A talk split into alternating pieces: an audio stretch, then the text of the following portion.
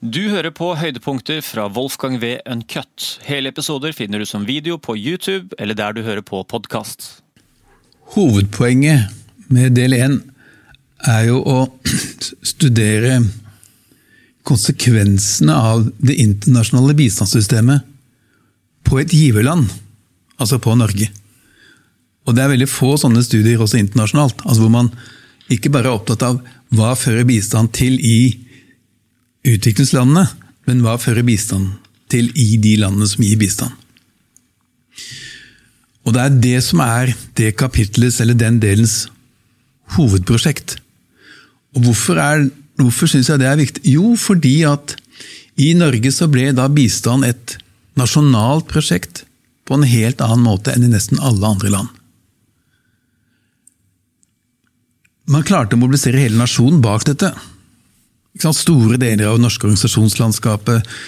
Mm, alt fra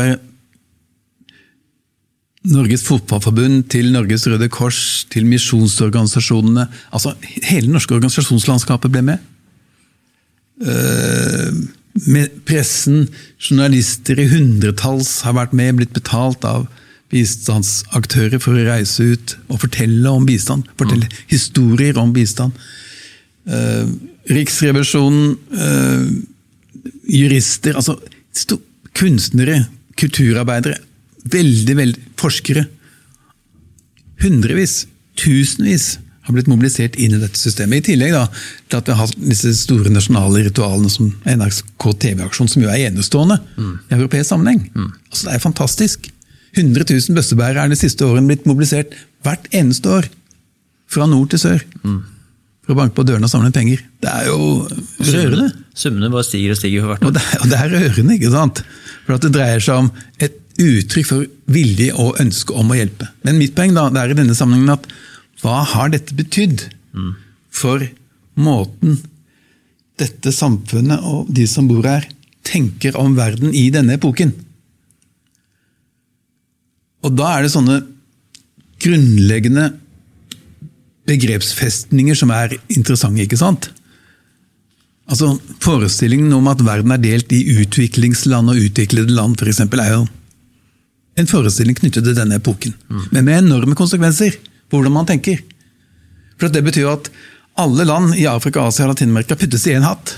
Utviklingsland, om det er Saudi-Arabia, som er steinrike. Om det er Kina som er i ferd med å ta igjen USA som verdens største økonomi. Fortsatt et utviklingsland. Fortsatt et land som Norge gir penger til som utviklingsland. Ja, hvor sprøtt er ikke det? Vi snakker ikke om hvor sprøtt det er. Poenget er bare at det, dette innebærer jo at man nivellerer. Man gjør lik store deler av verden. Og gjør dem mye mer lik enn det det egentlig er. Men altså under da denne felles semantiske hatten utviklingsland. Men Det betyr jo også at man tenker seg at ok, de er altså definert som det, noe som er forskjellig fra oss, altså fra det utviklede landet. Men det betyr også at vi er alle på den samme utviklingsstigen, det er bare spørsmål om tid. Og Det er jo det hele prosjektet skal gjøre. Det skal hjelpe de andre til å komme etter oss. for at Termen forutsetter jo at de vil komme etter oss. I og med at de enda ikke er utviklende, men skal bli utviklede.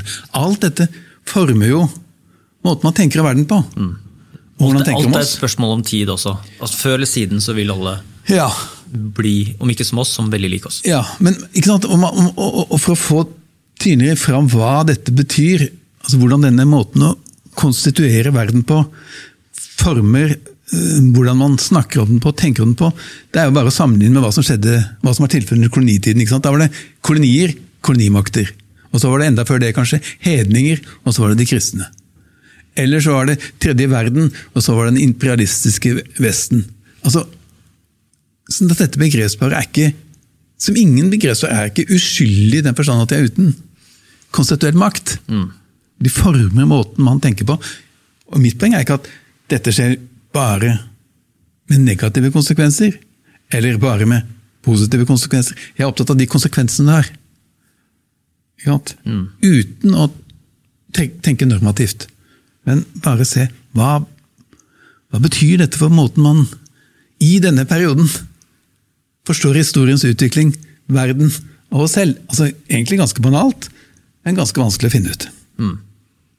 Det var, det ikke altså, altså, mye som var linet opp der? med, altså, du har hørt oss snakke om det her tidligere også, at det, um, en av disse, skal vi si, At vi hadde tankesettet allerede på plass med tanke på vår uh, historie med misjonering.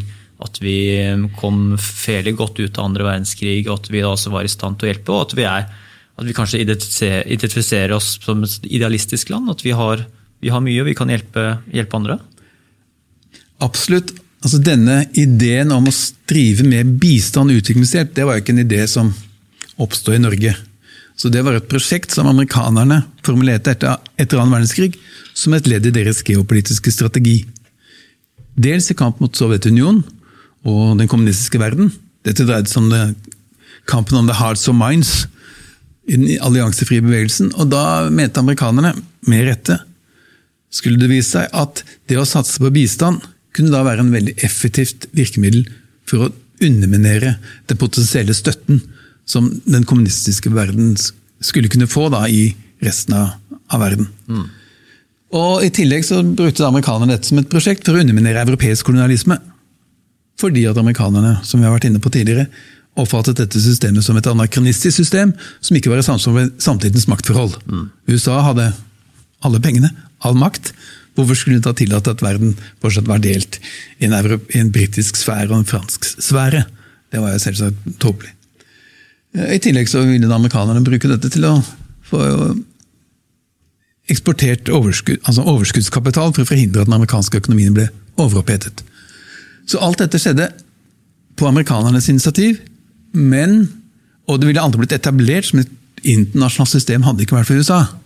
Det var også de som etablerte FN. Og hele kostebinderiet, eller hele systemet av internasjonale organisasjoner organisert, innrettet mot å hjelpe den ikke-utviklede verden, som det da het. Men det er klart at samtidig så hadde dette et grobunn, en grobunn i Norge. Antageligvis kanskje større grobunn i Norge enn i mange andre land. Dels fordi, som du sa, misjonen har en tung tung, tung tradisjon i Norge. Det har vært veldig sentral. Dels pga. arbeiderbevegelsens solidaritetstradisjoner. Dels pga. en ganske sterk, effektiv, radikal ungdomsbevegelse på 60- og 70-tallet som var veldig opptatt av solidaritet med det som da ble kalt den tredje verden. Så ja, derfor så fikk det også sine nasjonale særtrekk, påvirket av denne tradisjonen. Men prosjektet som sådan, eller bistandsfeltet, eller det internasjonale bistandssystemet som sådan, er altså ikke et norsk produkt, men et amerikansk produkt. Og Derfor ble det altså etablert samtidig omtrent i alle OECD-land. Sverige, Finland, Danmark, England. Mm. Canada fikk det omtrent akkurat på samme tidspunkt, på begynnelsen av 60-tallet. Så du kan ikke si at det er noe sånn spesielt, i og med at alle også begynte med det samtidig av de, alle i landet du nevnte. og Det er ikke noe spesielt med den norske mentaliteten eller vår historie eller vår kultur som, som et folkeslag som på en måte nødvendigvis er utslagsgivende at vi, vi, var så unisont med på, på, dette her? Nei, altså hvorfor vi Her må man skille kanskje mellom to ting. Det ene er hvorfor vi ble med. Mm. Og det andre er hvorfor ble oppslutningen i Norge så sterk? Ja, det siste jeg tenkte på da. Og hvorfor lyktes staten i mobilisere befolkningen så, i så stor omfang? Og det kan ha sammenheng med det vi var inne på i sted, altså denne både misjonstradisjon og solidaritetstradisjon. Eh, I tillegg så kan det godt også hende at denne appellen til det universelle, altså til den politisk nøytrale, som det jo ble solgt som, hadde en spesiell grobunn, kanskje i Norge, gitt at dette var et land som var ekstremt kulturelt homogent. Eh, hadde eh, en historie som eh, på en måte kunne si nesten bekreftet, eller noen kunne i hvert fall mene at den bekreftet disse utviklingsteoriene som etter hvert ble veldig dominerende innenfor det internasjonale bistandssystemet. sånn at ja, Mange gode grunner til at Norge eh, ble mobilisert på den måten man ble. Og I tillegg så var Norge helt fra starten også veldig sterkt. Eller helt fra eh, annen verdenskrig av veldig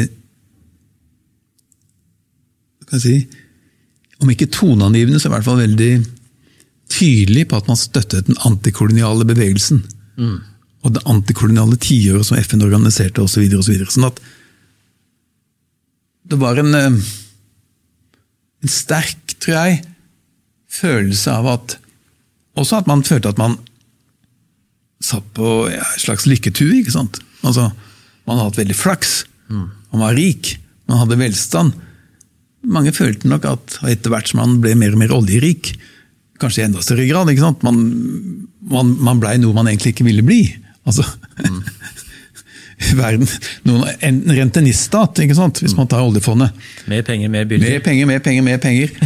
Og at man da tenkte også at uh, dette er ikke rett moralsk, og at her er det veldig veldig viktig, det prinsippet som bistanden er bygget på, at de som har veldig mye, kan godt gi noe av sitt overskudd til de som ikke har så mye.